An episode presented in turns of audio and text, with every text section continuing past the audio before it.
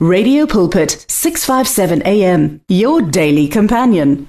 Father, we just want to thank you so much for this time in your presence. We thank you for your word that builds us up, that changes us, that take us to a level of Christ. We thank you, Lord God Almighty, for every person under the sound of my voice. May our lives never be the same again. In Jesus' name, amen and amen.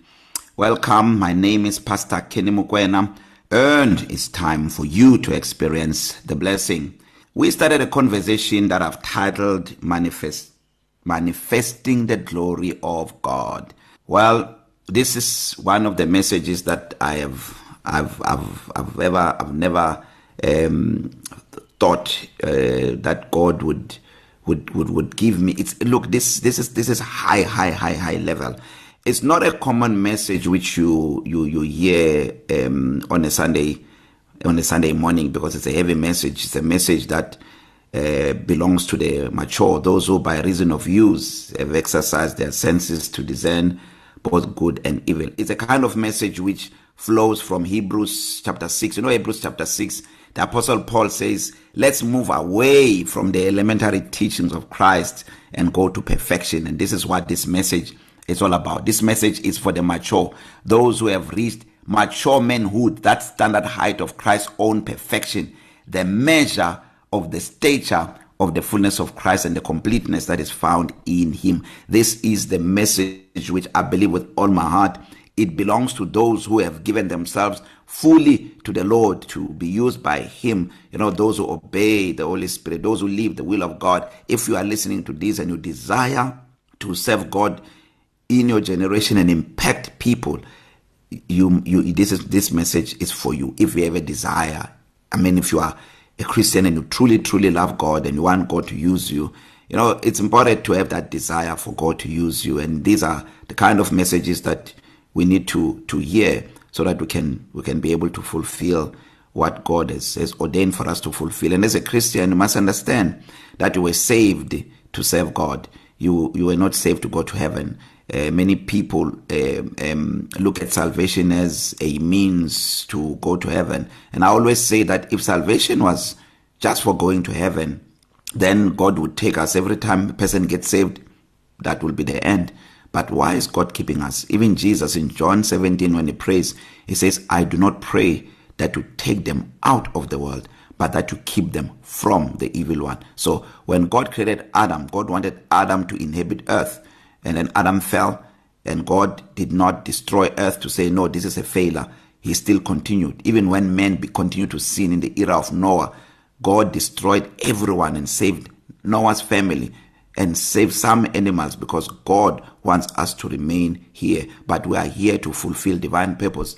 Adam was put in the garden to fulfill divine purpose. Even the children of Israel they were delivered from Egypt to serve God. That's why God said to to to um, uh, Moses, go tell Pharaoh, Israel is my son. So I say to you, let my son go. Actually it says Israel is my son, my firstborn, because that firstborn there is a type of Jesus. It says Israel is my son, my firstborn, and it says let my son go that he may serve me. Let my son go that he may serve me. So they were saved to serve God. We are also saved to serve God. In fact, if you would understand the Exodus, you will understand how the children of Israel were delivered, the things that happened in the wilderness, in their journey to the promised land. You will understand this message. You will understand exactly what salvation entails. Listen, we only share with the immature, you know, because if you look at, at because that's why this message is I believe this this is a message that facilitate spiritual growth and maturity. If you look at a, at a, at, a, at, an, at an infant, a newborn babe, all the newborn uh, child uh, uh, deals with is feeding, feeding, feeding, consumption, eating. It's all about self, self, crying, getting food, crying, getting food. And it's such a sad thing that you you you you you you see Christians entering salvation and end it there. It's like being born and just end it there. Continue to feed on milk. Can you imagine an infant that is 10 years old but is an infant? It's a problem, it's a disorder, it's a deformity. So we do not want that kind of disorder in the body of Christ. God has set a pattern in the scriptures for us to understand how the things of God work. So this message is about us growing into the stage of perfection. That stage, not this is not even for a technon because a technon um, in the scriptures it's a it's it's still categorized in the, the if you look at the the the the, the, the, the Greek language there's a part there's a a, a, a scriptures where it talks about a it talks about children. If you are a, a, a child you are also an heir. That child there is an nepios is an nepios that's the small that's an infant. But you also see other verses which talks about children but it it no longer refers to an infant. It refers to a pedion like when Jesus said let the ch little children come to me. That is a pedion. It's no longer an an an nepios. Uh, and there are scriptures um, um, where you find even the same word children but it's it's meant to, to mean hios. It means to mean a technon. You know um, in, in, not hios but a technon. So a technon is still in the in the class of uh, um, the nepios the pedion stage because it's a stage where a person has not grown. Uh, but now he's starting to understand things. He can divide he can interpret scriptures and so on. Especially in the body of Christ we have a lot of technons that are running wild. You find a lot of technons who are not uh, um, grounded actually in the in the things of God they are not submitted anywhere. They've never submitted anywhere. The moment they started understanding the interpretation of scripture it's like the age between 12 and 18 those who have raised teenagers i have teenagers i've raised three teenagers. Myself my firstborn is actually married. I've got I've got a grandson now I'm a grandfather now. So I've raised teenagers. I understand how they are. There are a lot of churches that have been started by by teenagers who have not yet even learned to follow the Holy Spirit because when you talk about the stage after a technon is the hero stage. Romans 8:14 as many as are led by the spirit of God these are the sons of God. This is where Timothy was when the apostle Paul wrote him the two letters. He was at the hios stage where he can now hear the voice of God. He's disciplined he can see the finish line but it's not at the finish line yet. When the apostle Paul wrote the, the two letters to Timothy the apostle Paul was also at the was already at the teleos stage but Timothy was at the hios stage. And this message I believe with all my heart for a technon will hear this message and understand it he will be a different technon. And in a short space of time he will switch into a hios and with short space of time and if the lord tarry god will raise him up because from a hios to teleos you get there by experiences. It's not by knowledge of the of the word. It's not by perception or discernment or or the richness of the holy spirit in you. It's by experience. A combination of experiences move one from a hero stage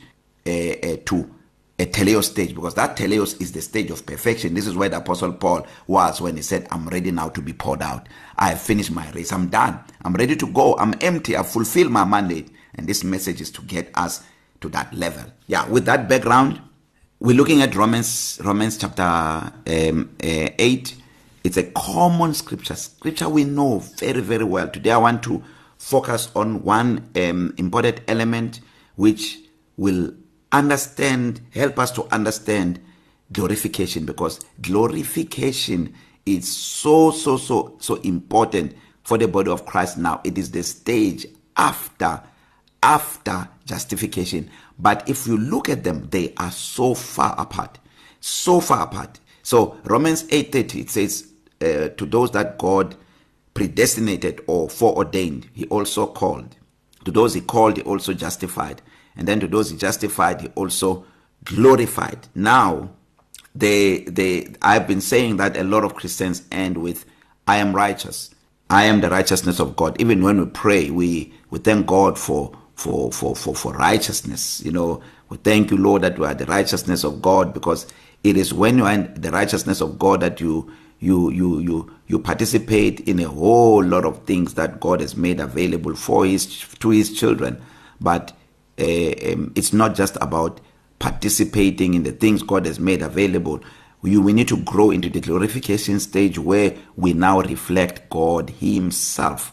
When we are on this earth and we can do the things that God does we can do what God would do if he was on earth because that's what glorification it's all about. That is why Jesus was glorified when he rose from the dead.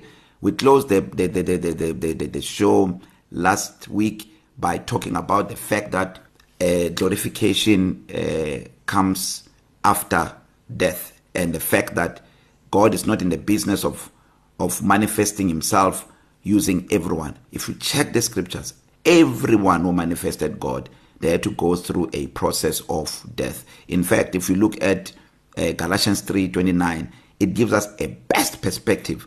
And Galatians 3:29 talks about the two most important people that facilitated our salvation and both of them manifested God. Both of them were glorified. Both of them understood what it means to be glorified. Uh, Galatians 3:29 says if you belong to Christ, you are a seed of Abraham and you are an heir according to the promise. Oh man, so many people don't understand the promise there. That is so deep. The promise there. We always look at um, Romans 4:13 and we limit the promise to earthly things because Romans 4:13 tells us that God gave Abraham uh, the whole world as an inheritance.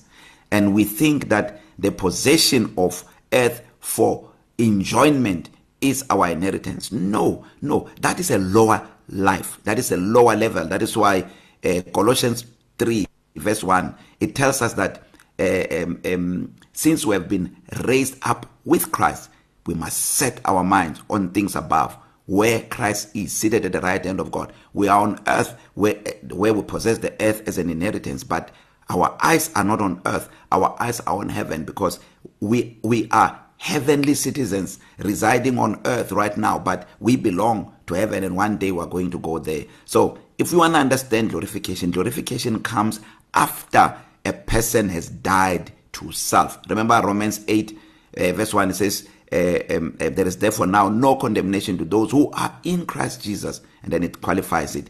That is the glorification part. Those who do not walk according to the flesh but according to the spirit. It means a fully yielded vessel that God can bend at any time. That is why I I also refer to Romans 12 verse 1 I beseech you my brethren by the mercies of God that you present your bodies a living sacrifice holy and acceptable to, to the Lord which is his reasonable service. Now I've been trying to get to to pass Romans uh, 8 17 in the New Living Translation which takes us to how do we manifest Christ. So Romans 8:17 says and since we are his children we are also his heirs. This is for everyone. In fact together with Christ we are heirs of God's glory. This is for everyone because glory is conferred um, to everyone. But then come the separation. But if we are to share his glory we must also share his suffering. Christians don't want to hear sharing in his suffering. Remember there is another scripture which put perspective into this. Uh, first Peter 5 verse 10 especially if you read it in the amplified classic edition. First Peter 5 verse 12 it says that may the God of grace who called us by Jesus Christ to his eternal glory may he perfect establish and settle you after you have suffered a while. So it says may the God of all grace who called us to his eternal glory by Jesus Christ. Look it says who called us to his eternal glory by Jesus Christ. After you have suffered a while may he perfect establish and settle you. So look at look at look at that verse and see if you find glorification that does not have death in it it is not glorification. Because if you are to find glorification i'm going to show you countless scriptures which shows us this very very very clearly. There has to be look at another scripture. Um the, uh, though our outward man is perishing but our inward man is being renewed day by day. So with the perishing of the outward man the more the outward man perishes. You can be alive but insofar as scriptures are concerned you have totally died. And to have totally died it means to be fully yielded to be a, a vessel that is fully given to God. Let me finish with this. Mary before she can she could give birth to Christ she has to die she had to die first we're going to talk about that in the next episode i hope you don't miss it to understand how mary manifested glory because she manifested christ when she gave birth to him it was from a place of death Let me pray for you if you are not born again and have not made Jesus the Lord of your life. Just make this prayer with me. Say, Lord Jesus, I receive you now as my Lord and my Savior. Amen and amen. If you made that prayer, you're born again, you're my brother, you're my sister. I will see you in heaven. God bless you. I love you so much. See you again next time. The words of the Lord are words of life. Your heart is on 657 AM. 657 AM. Radio for believers in action.